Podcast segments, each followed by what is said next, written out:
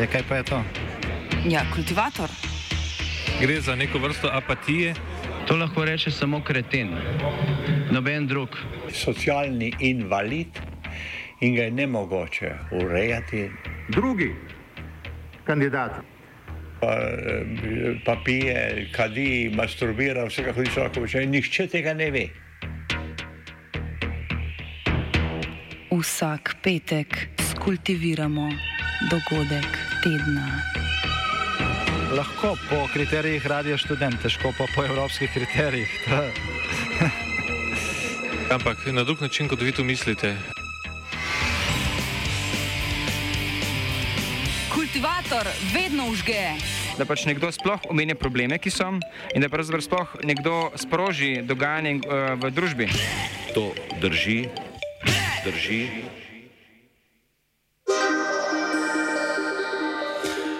Ja, lepo zdrav v kultivatorju na Radio Student.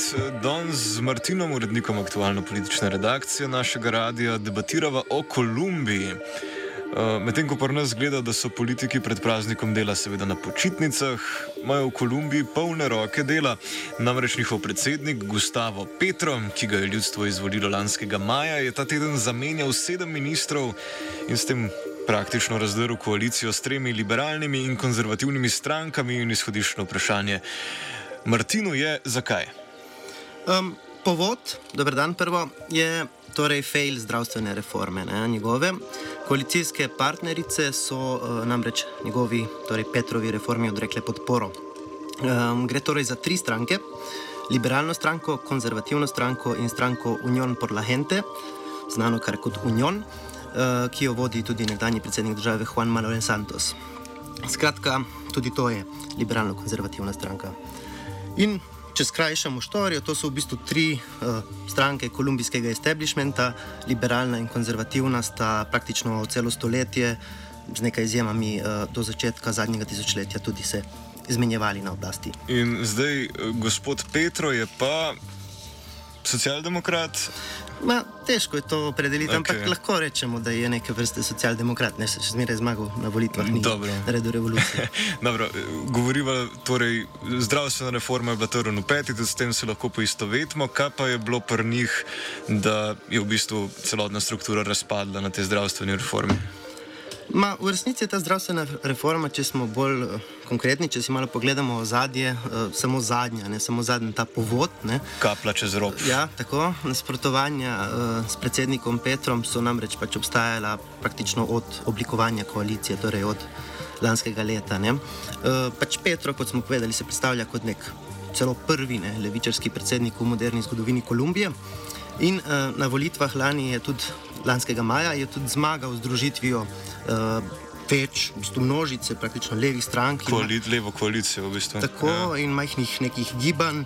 Um, in uspel premagati Rodolfa Hernandeza, ki je v bistvu gradbinc in uh, milijonar. Torej, imel je nasproti res nekega.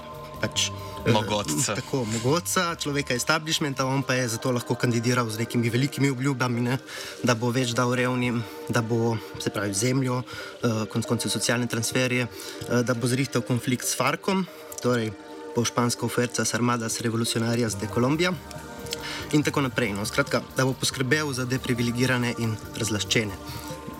Tu moramo povedati, torej, da Kolumbija ima svetovno gledano um, najbolj skoncentrirano lastništvo zemlje v rokah uh, bogate peščice in iz tega dejstva tudi ne na zadnje izvira FARC kot recimo temu združenje ali pa organizacija mnogih manjših uh, organizacij strank, komunističnih revolucionarjih, ki so se oziroma se v neki manjši meri še zmeraj borijo za torej zemljo, praktično torej iz te zemlje ne, proti razlaščanju prebivalcev v ruralnih predeljih države tudi izvira To je nek, to je nek gverilski fajt.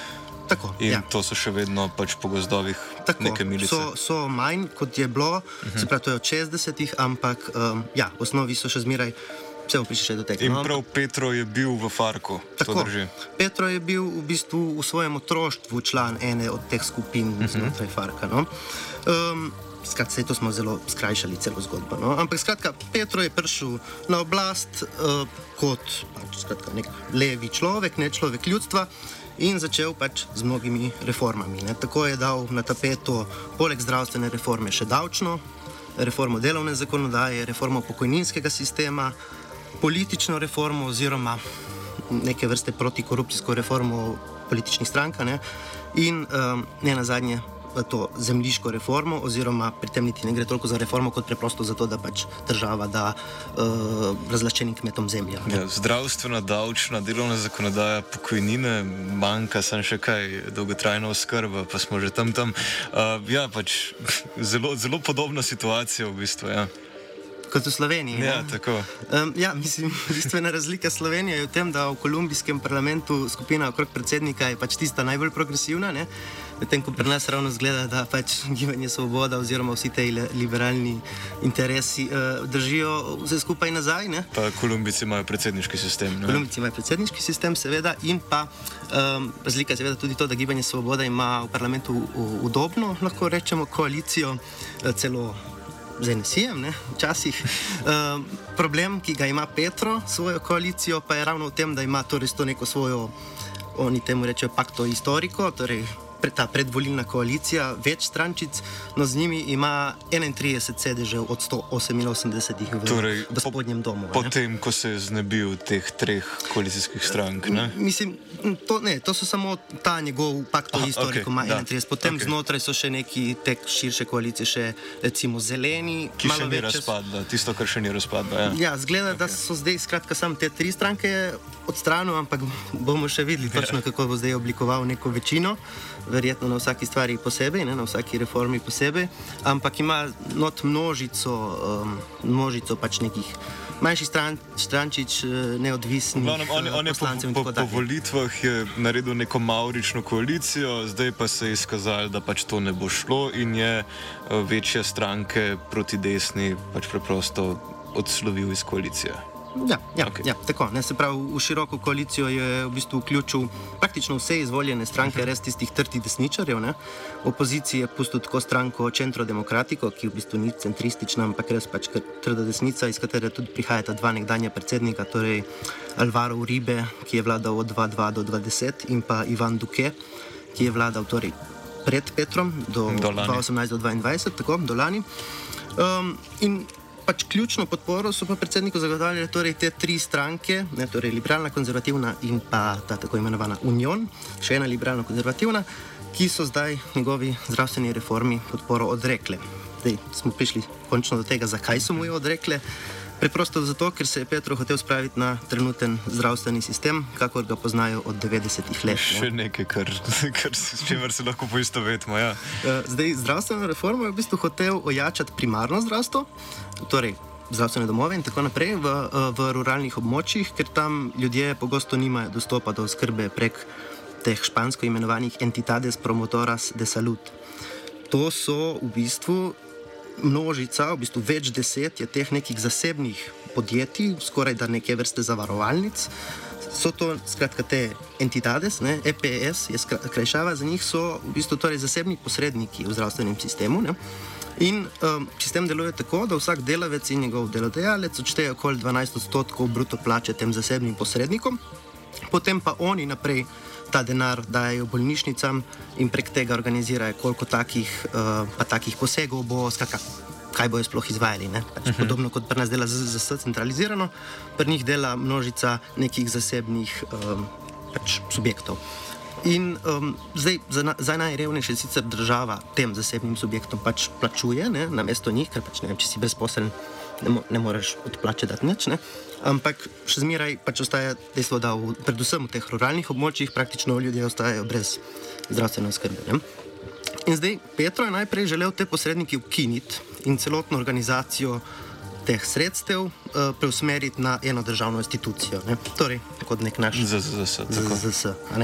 Um, ampak pač, jasno so se pač zdravniki in pa liberalci, konzervativci temu uprli. Verjetno je zraven tudi ogromno enih zasebnih interesov. Seveda. Seveda. In potem je Pet, Petrov v bistvu predlagal samo, da bi v bistvu ena državna institucija te posrednike nadzirala. Skratka, ne bi jih ukinil, ampak bi jih samo nadzirala, samo bolj centraliziran nadzor bi bil nad tem, kam gre denar, ampak tudi to ni šlo skozi. No.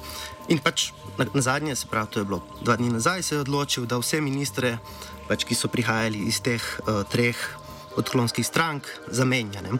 In na opoziciji je imenoval ljudi, uh, s katerimi je v preteklosti že sodeloval, kot bi je uh, župan če se ne motim, prav prestolnice. Um, in skratka, imenoval je pač ljudi, ki, s katerimi je že sodeloval, ki naj bi mu bili lojalni. Ne, skratka, ljudi, ne moramo prav reči, problemov, ja. moramo prav reči z njegove stranke, ker kot, kot smo rekli, pač ne gre samo za eno stranko, ampak za neke vrste združenje gibanj strančic, ne, ampak skratka, ljudi, ki jih poznano. Podobno um, misleči, recimo. Ja. Tako, in zdaj zamenjal je naprimer finančnega ministra, to je sprožilo tudi največ. Tako, če gledaš medije, te kolumbijske etablirane, samo o tem pišejo skoraj da, ne, ker vse piše, uh, uh market, uh, šuk. Ne, uh, Kak je zdaj to?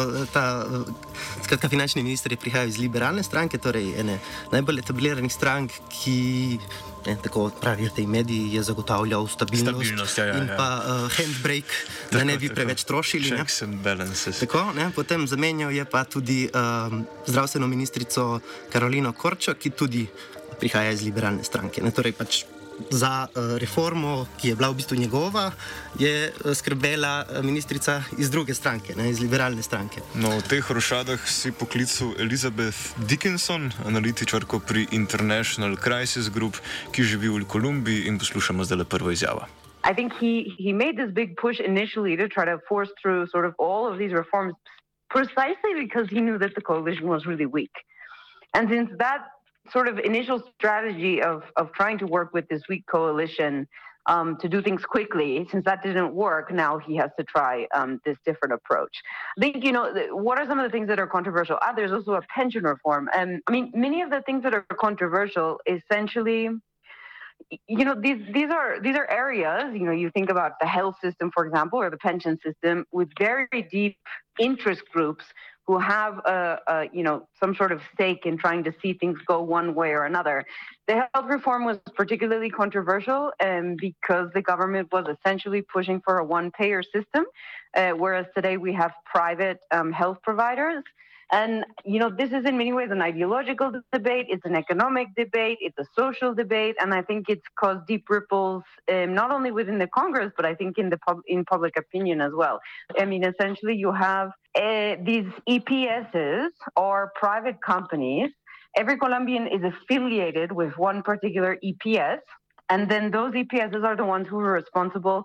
Essentially, insurance providers, they would direct you to a doctor, they would um, you know, when you need a specialist, it would be through the EPS, um, and and government resources resources flow through these EPSs, particularly for the the poorer parts of the population who aren't paying directly. So you can either, you know, if you're making a medium or high level income, you're going to be paying for the EPS. But if you're low income or unemployed, the government is essentially paying for you to be in the EPS. So these EPSs are essentially private vehicles that manage the administration of health, um, including with public resources. And I think what the the petrol reform wants to do is essentially bring all of that into a single payer system where it's the government who's managing the resources rather than private entities. Tako torej Elizabeth Dickinson. Ne, očitno je, da je zmenjava ministrov se koalicijo in s tem večina vlade Petra eh, v parlamentu končuje, torej težje mu bo vladati od zdaj naprej. Ne? Kako misliš, da bo to počel, če zdaj pač nima niti blizu večine? Ja, nimam pojma v resnici, ne, ampak eh, kot trdi sogovornica, je to v bistvu že vse skozi bila manjšinska vlada v resnici, čeprav na papirju ne. ne. Um, zdaj pač Petro poskuša z neko drugačno strategijo, taktiko, kako pač stranke na nek način disciplinirati ali pa pač jih dobiti na svojo stran. In order to get elected, um, he built this sort of very broad coalition that included a lot of members who maybe naturally wouldn't fit under that umbrella, um, but who were sort of brought on board by the potential to, you know, share in the distribution of ministries, um, to be able to have an influence on some of the, re- the reforms that Petro is pushing forward. And essentially, what's happened now um, is because large parts of that coalition have rejected um, a number of the reforms that Petro is trying to push through. Um, he's trying a different strategy. So it, he has essentially removed all of the ministers who were from that coalition and um, is replacing them with largely people who are, are close to him. So rather than sort of this big umbrella government that, in many ways, I think constrained the movement politically of um, you know the administration. Now we have we're going to see a cabinet that's really dominated by people who are close to Petro. The reality has been that he's always had a minority government. I mean, this coalition was never comfortable, and it was never guaranteed that the those who are supposedly with the government were going to vote with the government in Congress. So, in many ways, what we have now just exposes what was already the reality, which is that you do have sort of a minority.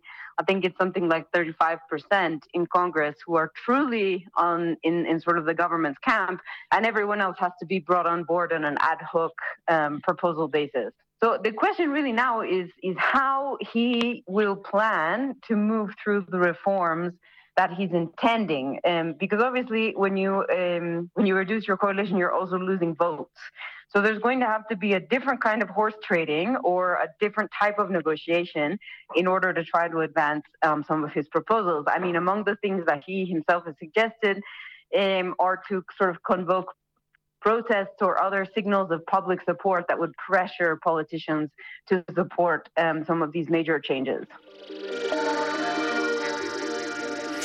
Torej, predsednik je ostal, oziroma ima samo še z desetkam glasovalni stroj, hkrati pa hoče praktično komplet reformirati državo. Zdaj si bo pogledala še ostale reforme, ki so na sporedu in jih bo Petro skušal spraviti skozi. Najprej ne, ima, tako imenovana agrarna reforma, torej reforma, ki naj bi um, nagovarjala ruralno prebivalstvo, torej tisto, ki, ki ga po svoje lahko nagovori tudi Fark in on zdaj kot izgubljeni sin, če jaz prav razumem, tukaj hoče iz države zadevo spraviti čez.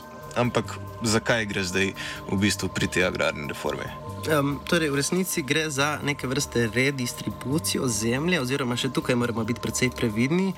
Uh, torej, ne gre za to, da bi zdaj kar pač razra, razlaščali neke bogataše in pač to dajali tistim, ki so zdaj razlaščeni, ampak v osnovi za to, da država, kolikor to zmore, kupuje zemljo od velikih kmetov in jo podarja tistim brez zemlje. Klema je tudi v bistvu, je, mislim, ne vem koliko gre samo za PR, ampak naprimer pred mesecem, nekje marca, je se zgodila neka ta neko to podarjanje zemlje in je enih 29 zemljišč tam podelil in so se hvalili, kako je Petro skratka, tukaj prioritizira ženske uh, in da je to podelil, če se prav spomnim, okoli 90 odstotkom tem, ki jih je podelil, so bile ženske in tako naprej. To zveni, zveni kot PR. Ja. Zveni, zveni lepo, ampak to je v bistvu šlo za neko relativno majhno. Ne, ja, pač 29, pač 29 zemljišč, ja, ja. tako, medtem ko tam imamo pač milijone različnih uh, ljudi. Ne. Zdaj, ta zemlja skratka, lahko prihaja na ta način, da jo lahko kupijo od kmetov eh, država in da, torej pač razlaščenim, ali pa zemlje tako imenovanih ilegalcev, ne, ki jo država potem razdeli. Zdaj, te ilegalci so lahko v osnovi ne, um, pač neke te milice, eh, gverile in tako naprej, ki jih je bodi si država premagala ali pa. Um, skratka, sklenila z njimi sporazum no, o pač izmenjavi in tako naprej, in potem to uh, razdelijo. Ne. Ampak v glavnem, no, uh, moramo povedati tukaj, ne, jasno, da je lastništvo zemlje v Kolumbiji zelo močno skoncentrirano. Ne, torej po podatkih iz raziskave stare praktično manj kot deset let. Ne, je torej uh, kar 60 odstotkov uh, pač kmetov, ja. kmetov 60% kmetov nima formalnega lastništva njihove zemlje, te zemlje, ki jo obdelujejo. Ne? In se pravi, manj kot pol odstotka pač lastnikov zemlje kontrolira, ima v lasti več kot 40 odstotkov vse zemlje pač v Kolumbiji. Ne? Potem imamo tukaj 70 odstotkov lastnikov zemlje, ima v lasti okrog 5 odstotkov vse zemlje v Kolumbiji. Skratka, ta prepada, 70 odstotkov ljudi ima 5 odstotkov zemlje, uh, manj kot pol odstotka ljudi ima 40 odstotkov zemlje. Pa to so pač in zemljiški posestniki, in najbrž tudi neki um, pač kmetijske podjetja. Tako, tako, tako je. Ja. Pač, uh, mislim, tukaj nimamo niti časa, niti ja, ja. znam, pač nimam niti znanja, da bi to vse razložil, ampak izhaja vse to iz seveda španske. Uh, pač, konkvicije, kako se španske osvojitve, ne, iz španskega sistema teh haciend in tako A ja, naprej. Ne, in torej imamo te pač latifundiste, ki so praktično še od časa pač. Po španski osamosvojitvi Španije eh, o- ohranili lasništvo, oziroma se to prenaša naprej. Ne. Po drugi strani pa je v 50 in 60 ne, so torej še dodatno razlaščevali uh, majhne kmete, pač vlada um, in sicer pač takrat pa so jo dajali, oziroma poceni prodajali, uh, predvsem tujim, uh, pač nekim korporacijam in tako naprej. No. Ampak skratka. No, še, še nekaj podatkov, mogoče da navedem. eh, Torej, 113 milijonov hektarjev uh, uh, pač teh površin v državi je uh, samo uh, 7 milijonov od teh 113, ki so primerni za obdelovanje, torej obdelujejo v državi, torej šest, š, dobrih 6 odstotkov površin v državi obdelujejo, ki so primerne za obdelovanje. In kar je tudi smešno, ne, ne glede na vsa ta zemljišča, ki so primerne za obdelovanje, v bistvu Kolumbija uvaža okrog 30 odstotkov hrane, ki jo porabijo v državi. The 2016 peace agreement that was signed with the former FARC uh, has five points, and one of them is about rural reform and essentially trying to improve land distribution. Colombia has a highly unequal distribution of land. It means, first of all, buying land from private sources. So the government will pay landowners to buy their land, and then the government would redistribute it. And the second way that this is happening is um, there's a large number of lands in Colombia that have been taken from illegal groups or actors. So, for example, when the FARC demobilized, they hand handed over farms that belong to them, and that land now is in the hands of the state. And the idea is to redistribute it to farmers, improve access to credit for farmers, um, help displaced and landless um, farmers to to to find land and to be able to use their land, um, to increase the productivity of the rural economy, building roads, um, helping with commercialization. Those are all things that were in the 2016 peace agreement and are still underway in terms of implementation. The progress on these reforms has been extremely slow. And I think this is true in land distribution. It's also true. Um, another major component is registering land, so creating land titles for you know farmers who have land or who are you know utilizing land. Um, that's moved very, very, very slowly. And I, I think the goal of this administration is to accelerate those reforms because they're really an, an, a sort of underlying factor that's continuing to generate conflict. You have all these poor farmers who don't have access to land. Um, and the rural economy is essentially collapsed, which makes it very much easier for armed groups to um, entice farmers, for example, to grow illicit crops.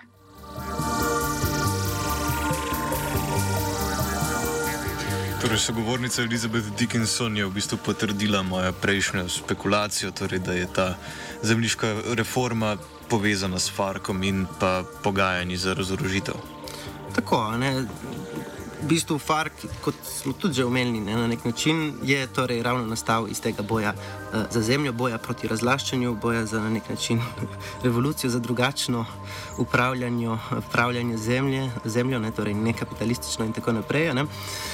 In um, pač stvar, ki se je potem na nek način vzpostavila, ali pa eh, način delovanja, je bil to, da so, pač, da je, torej, da so te gverile Farka zas- zasedle pač zemljo in um, jo pač na nek način podarjale ali pa tam mm, na, naselile ali pa uh, angažirale, če rečemo drugače. Neke pač eh, kmete, ne? in um, so potem oni, namesto da bi pač bili organizirani pod državno oblastjo, v bistvu delovali pod oblastjo Farka. Ne? Torej, pač so tudi njim plačevali recimo, neke vrste davke in tako naprej, ne? ali pa dajatve. No? Uh, in pač to je na nek način tudi ustvarilo to zanašanje um, vseh teh veril in tega da, na kultivacijo torej, nekih um, pač drog, poenostavljeno mislim, proizvodnjo drog, ne kultivacijo koke uh, in uh, seveda potem, ki je tudi. Kokain oziroma druge droge so pač eh, tudi naj bi bile no, uh, glavni vir pač dohodka Farka. Ne. Zdaj pač uh, ravno proti Fark se je torej vzpostavil ravno kot nek oborožen upor proti množičnemu razlaščanju kmetov. Ne. In, um, ampak je potem, zdaj, skratka, zadnja leta, recimo od leta 2016, ko je z njim eh, predsednik Juan Manuel Santos uh, podpisal ta znamenit sporazum o pač, mirovni sporazum, sporazum o razorožitvi in tako naprej, se pač so opazne spremembe ne, v delovanju Farka. Namreč um, ne gre več, ali pa težko je soditi, koliko gre za neko centralizirano oblast ali pa neko centralizirano organizacijo, ampak te vodilne ali pa visoke strukture Farka so se začele vedno bolj pogajati z vlado, medtem ko ostajajo pol še neke majhne uh, ali pa manjše skupinice, ki pa čez miraj uh, eh, delajo, kar delajo. Ne? In zdaj, v bistvu, tukaj je Petro na nek način pomemben kot ne, nekdanji pripadnik teh skupin, da je na nek način se naj bi znal ne, z njimi boljše. Uh, pogajati, ne, da bi znal z njimi ta mirovni sporozum iz leta 2016 dejansko implementirati, medtem ko je za primer prejšnja vlada Dukeja, ki je bila v bistvu na nek način močno desna, ne, uh, se zanašala praktično na represijo in na varnostni aparat v pač, odnosu do teh še uporniških milic. O tem si govoril tudi z Elizabeth Dickinson. we have a quite different conflict in Colombia today than we did when there was when the previous peace agreement was signed in 2016. Um, the former FARC, so the FARC that I think we all think of, was sort of a classical insurgency. They wore uniforms and they lived in camps in the in the countryside. Um, today, what we have are, are really sort of uh, an agglomeration of much smaller, more localized um, armed and criminal groups that are far more interested in, in sort of the illicit economy and don't have that ideological component the way that the previous FARC did. So, what is this government? This government has come in um, and essentially taken a different approach. The previous government had really just relied on the military and the security forces to attack these groups and try to contain the, the conflict. This government, I think, wisely has realized that there's going to have to be some sort of dialogue approach. So, some sort of direct uh, talk with these different organizations in order to, first of all, look to reduce violence against civilians and, and eventually move towards a demobilization. If we look at the history of Colombia, there hasn't ever been an armed or criminal group that's demobilized without that component of dialogue and negotiation. So I think it's very important that this government is, is pushing for that. And so the, at the at the moment, there is an open negotiation with the ELN, which is the largest remaining uh, left wing insurgency. Then we have FARC dissident groups, and the one that you mentioned is essentially started by a few very small number of former FARC combatants who left the process or who never signed the agreement to begin with and uh, restarted essentially um, these armed operations. So I think the, the negotiation will be very distinct with them because it is no longer a national ideological insurgency. It is a local phenomenon um, that is very closely linked to the illicit economy. And so the incentives are going to have to be different. The process is going to have to be different. Počasi gremo k koncu. Zdaj, začela smo v bistvu s tem, kako se da svežen reform, ki jih je Pedro uh, napovedal na začetku mandata, usporejati uh, z našo tukajšnjo situacijo. Um, zdaj, govorila so večino oddaje o agrarni reformi, um, kaj pa ostale? Govorila so tudi o zdravstveni, seveda, ja. na začetku. Zdaj, ostale so praktično vse na nek način blokirane, zamrznjene, uh, razen politična, tako imenovana reforma. Torej, v osnovi je šlo za to, da bi, moral, da bi bilo financiranje političnih strank in politikov bolj transparentno, oziroma da bi to morali prijavljati, da bi, mogli, pač, da bi bili uvedeni pogoji, koliko lahko pač nek politik, neka stranka prejme denarja od zasebnih eh, pač sponzorjev in tako naprej. In tako naprej. Ampak so mu jo v bistvu, torej te etablirane stranke, o katerih smo prej govorili, so jo Petru na nek način v parlamentu že bila in so mu jo zamandmirale v parlamentu na ta način, da so vse te, te stvari dale ven ne, in od nje ni ostalo več nič. Ne. In mm. potem je tudi Petro sam rekel, da pač v tej reformi ni ostalo nič progresivnega in preden bi jo uspeli sprejeti, ker pač parlament bi sprejel tisto. Reformo, ne reformo, ne, uh, je pač sam jo umaknil. Potem pa imamo torej še edino reformo, ki jo je uspel zaenkrat Petro spraviti skozi, in to je davčna. Uh, sprejeli so jo torej uh, lanskega decembra, to je pač praktično slabega pol leta nazaj. In gre pa pri njej za v bistvu poseben primer, ker so jo morali sprejeti, da bi lahko izvajali sploh državni proračun. Ne? In um, Ja, skratka, cilj pri tej reformi je povečati obdavčanje bogatih uh, in da dobičkov, pač predvsem tujih korporacij, in hkrati znižati obdavčanje najrevnejših. In po načrtih vlade bo po tej reformi, ki so na koncu tudi sprejeli, okrog 4 milijarde evrov več davka na leto država pobrala. Zdaj Kolumbija pobere uh, podpovprečno davka v primerjavi z ostalimi državami Južne Amerike, pa tudi globalno gledano. Leta uh, 2021 je naprimer pobrala manj kot 60 milijard davka. Um, In pač se pravi, te štiri dodatne milijarde je okrog 6 do 7 odstotkov več pobranega davka na leto. Skratka, ne gre spet za to drastične ne. stvari. Ne? Uh, tako vsaj načrtujejo no? te, te spremembe, zdaj pa nekoliko, če pogledamo še podrobneje, zgolj nekaj teh postavk te davčne reforme, ugotovimo pač, da so uh, posegi ne, v, v sistem precej uh, majhni. Ne? Torej, od 2 do 3 odstotke so zvišali. Eh, torej davek na dobiček od kapitala in na 20 odstotkov povečali davek ob izplačilu dividend za tuja podjetja. Torej, zdaj je bil ta davek le 10 odstoten, 20 recimo je nek približno normalen, ne, ne gre za mhm. nek full visok davek. Potem uh, uvajajo tudi uh, nek nov davek na premoženje tistih ljudi, torej tukaj govorim zdaj o posameznikih, katerih premoženje presega okrog pol milijona evrov. Um, zdaj, v to premoženje je seveda všteto tudi pač nepremičnine in tako naprej, ne samo uh, dohodek. Ne? Um, za revne pa so v bistvu v glavnem povečali nekoliko to davčno olajšavo, torej tisti del dohodka, za katerega država državljane oprosti plačila davka. Ne? Zdaj, po, tudi po mnenju v bistvu, čeprav je sama na nek način lahko rečemo liberalka, no, je uh, sprejeta davčna reforma v bistvu umila na koncu. The fiscal reform is sort of a unique case because Um, this government had to pass a fiscal reform in its first six months. Otherwise, there would be a default or Colombia would essentially run out of cash. So they, they had to pass a reform. And so I think that that sort of galvanized the urgency of the different parties to reach some sort of compromise. And, and the reform that was passed is quite timid. Um, the changes are um, there are changes, obviously. Yes, they increased taxes, for example, on high salary earners, some companies as well. But really, the changes compared to what could have been proposed or what was floated, uh, what ideas had been floated initially, the the bill that passed was really very timid. Um, it sort of uh, met the minimum requirements that were needed for them to move through this fiscal obstacle. Um, but it wasn't something that was going to break the coalition. Again, also because everyone knew that something had to pass. Lahko torej rečemo, da je Petro kot samo oklicani prvi levičarski predsednik Kolumbije prinesel kakšno spremembo? Ja, najprej mogoče dajmo za to, ker besedo sogovornici. No? Most important thing about Petro's election was that he was elected. That this is the, you know, that again, like the idea that the left can govern successfully in Colombia is is very new here, and I think it's very important that they have these four years uh, to demonstrate that. And I think that that does make a real change in Colombian politics because it stands to make them much more diverse and a sort of a wider range of opinions that could be represented um, from across the society.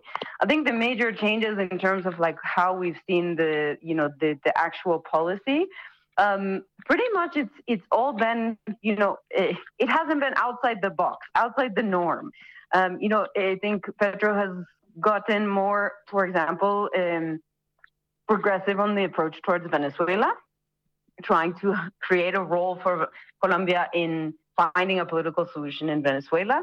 Um, I think that Petro is much more progressive on, on drug policy, so very much a change away from forced eradication, for example, to reduce the supply of coca, which is the base of cocaine, and towards sort of projects that might help farmers transition to different projects, and a much heavier focus on reaching sort of the high level traffickers on the on the production chain instead of the poor farmers who are sort of growing the crop initially. So that has been uh, certainly a shift in, in, in sort of um, drug policy.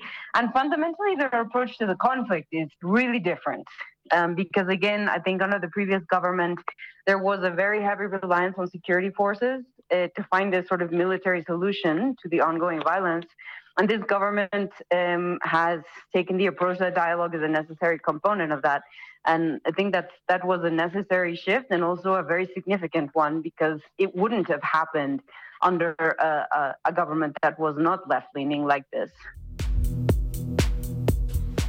Zdaj v zgodovini Srednje in Južne Amerike se je velikokrat zgodilo, da čim je kakšna, um, mislim, v zadnji zgodovini 20. in 21. stoletja, da čim je kakšna uh, država želela kakorkoli stopiti na prste mednarodnemu kapitalu, ne, uh, so hitro dobili um, šamar. Uh, ampak kot, čeprav razumem, ne pa tudi glede na milost teh reform, um, ki so levičarske, mogoče zgolj na papirju, oziroma pač delajo ekstremno mehke korake, Kolumbija še vedno ima dobre odnose z ZDA. Ja, ja ima. Sej moramo imeti ravno to, kar si rekel, moramo imeti vedno v mislih na nek način, ko govorimo o Latinski Ameriki. Ja, da je to interesna sfera Amerike, mislim, da je to tako. Moramo imeti vedno zadeve v mislih in ravno to, pač, da je um, torej Petro prišel na oblast z volitvami, ne, ni, ne gre torej za neko revolucijo. No, ne. to, to ZDA še ni bilo velikokrat. Ja, ja, prav, prav, ja. uh, im, im, tudi demokratični režimi so jim včasih niso bili pogodo. Ja, no, mislim, je pa bil tale uh, Petro zdaj ravno prejšnji teden, pred enim tednom, nekje je bil ravno na obisku v Washingtonu ne, in je bil kot precej prijateljski, no, mislim, v smislu neke uloge. Uh, Za mir v regiji, in tako ja. naprej, so govorili o tem. Zdaj, še ena zanimiva zadeva, ki je tudi na nek mogoče lahko samo omenimo kot fun fact, ne, povezana z Venezuelo, sosednjo, in pa ki je omenjala sogovornica, in pa seveda američani, ne, je to, da je uh, ravno tudi nedavno, mislim, da tudi prejšnji teden ali ta. No, v glavnem, ravno zdaj, zadnji čas je uh, Juan Guaido, torej ta fejlani opozicijski kup vehikel američanov v ja. Venezueli. Je uh, zbežal iz Venezuele, ker ga, se mu je odrekla tudi opozicija, ta ja. desničarska opozicija sama, ne, ker pač očitno ni bil zmožen organizirati uh, ničesar proti Maduru. In uh, pač praktično on je šel potem na neko srečanje v Venezuelo, uh, ne v Venezuelo, ampak v Kolumbijo. Tako, in so, ga, so mu tam tudi v bistvu uh, zavrnili vstop v državo, oziroma so ga pač na nek način pregnali no? in zbežal je seveda kam drugam kot v Združene države Amerike. A ni Guaido zdaj full na TikToku aktiven? Možno. Mogoče ima svoj kup danes. Okay, um, s tem smo nekako prišli do konca današnjega kultivatorja. Hvala za vašo pozornost, hvala Martin, da si se pridružil v studiu. Hvala. Uh, vi pa še naprej poslušate Radio Student.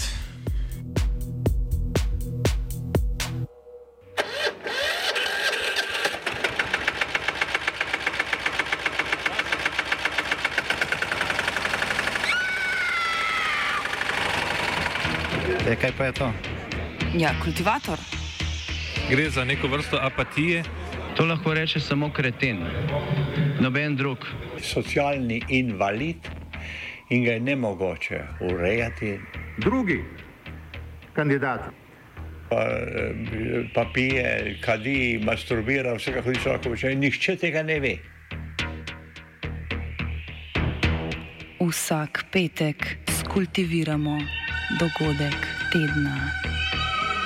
Lahko po kriterijih radio študent, težko pa po evropskih kriterijih. Ampak na drug način, kot vi to mislite.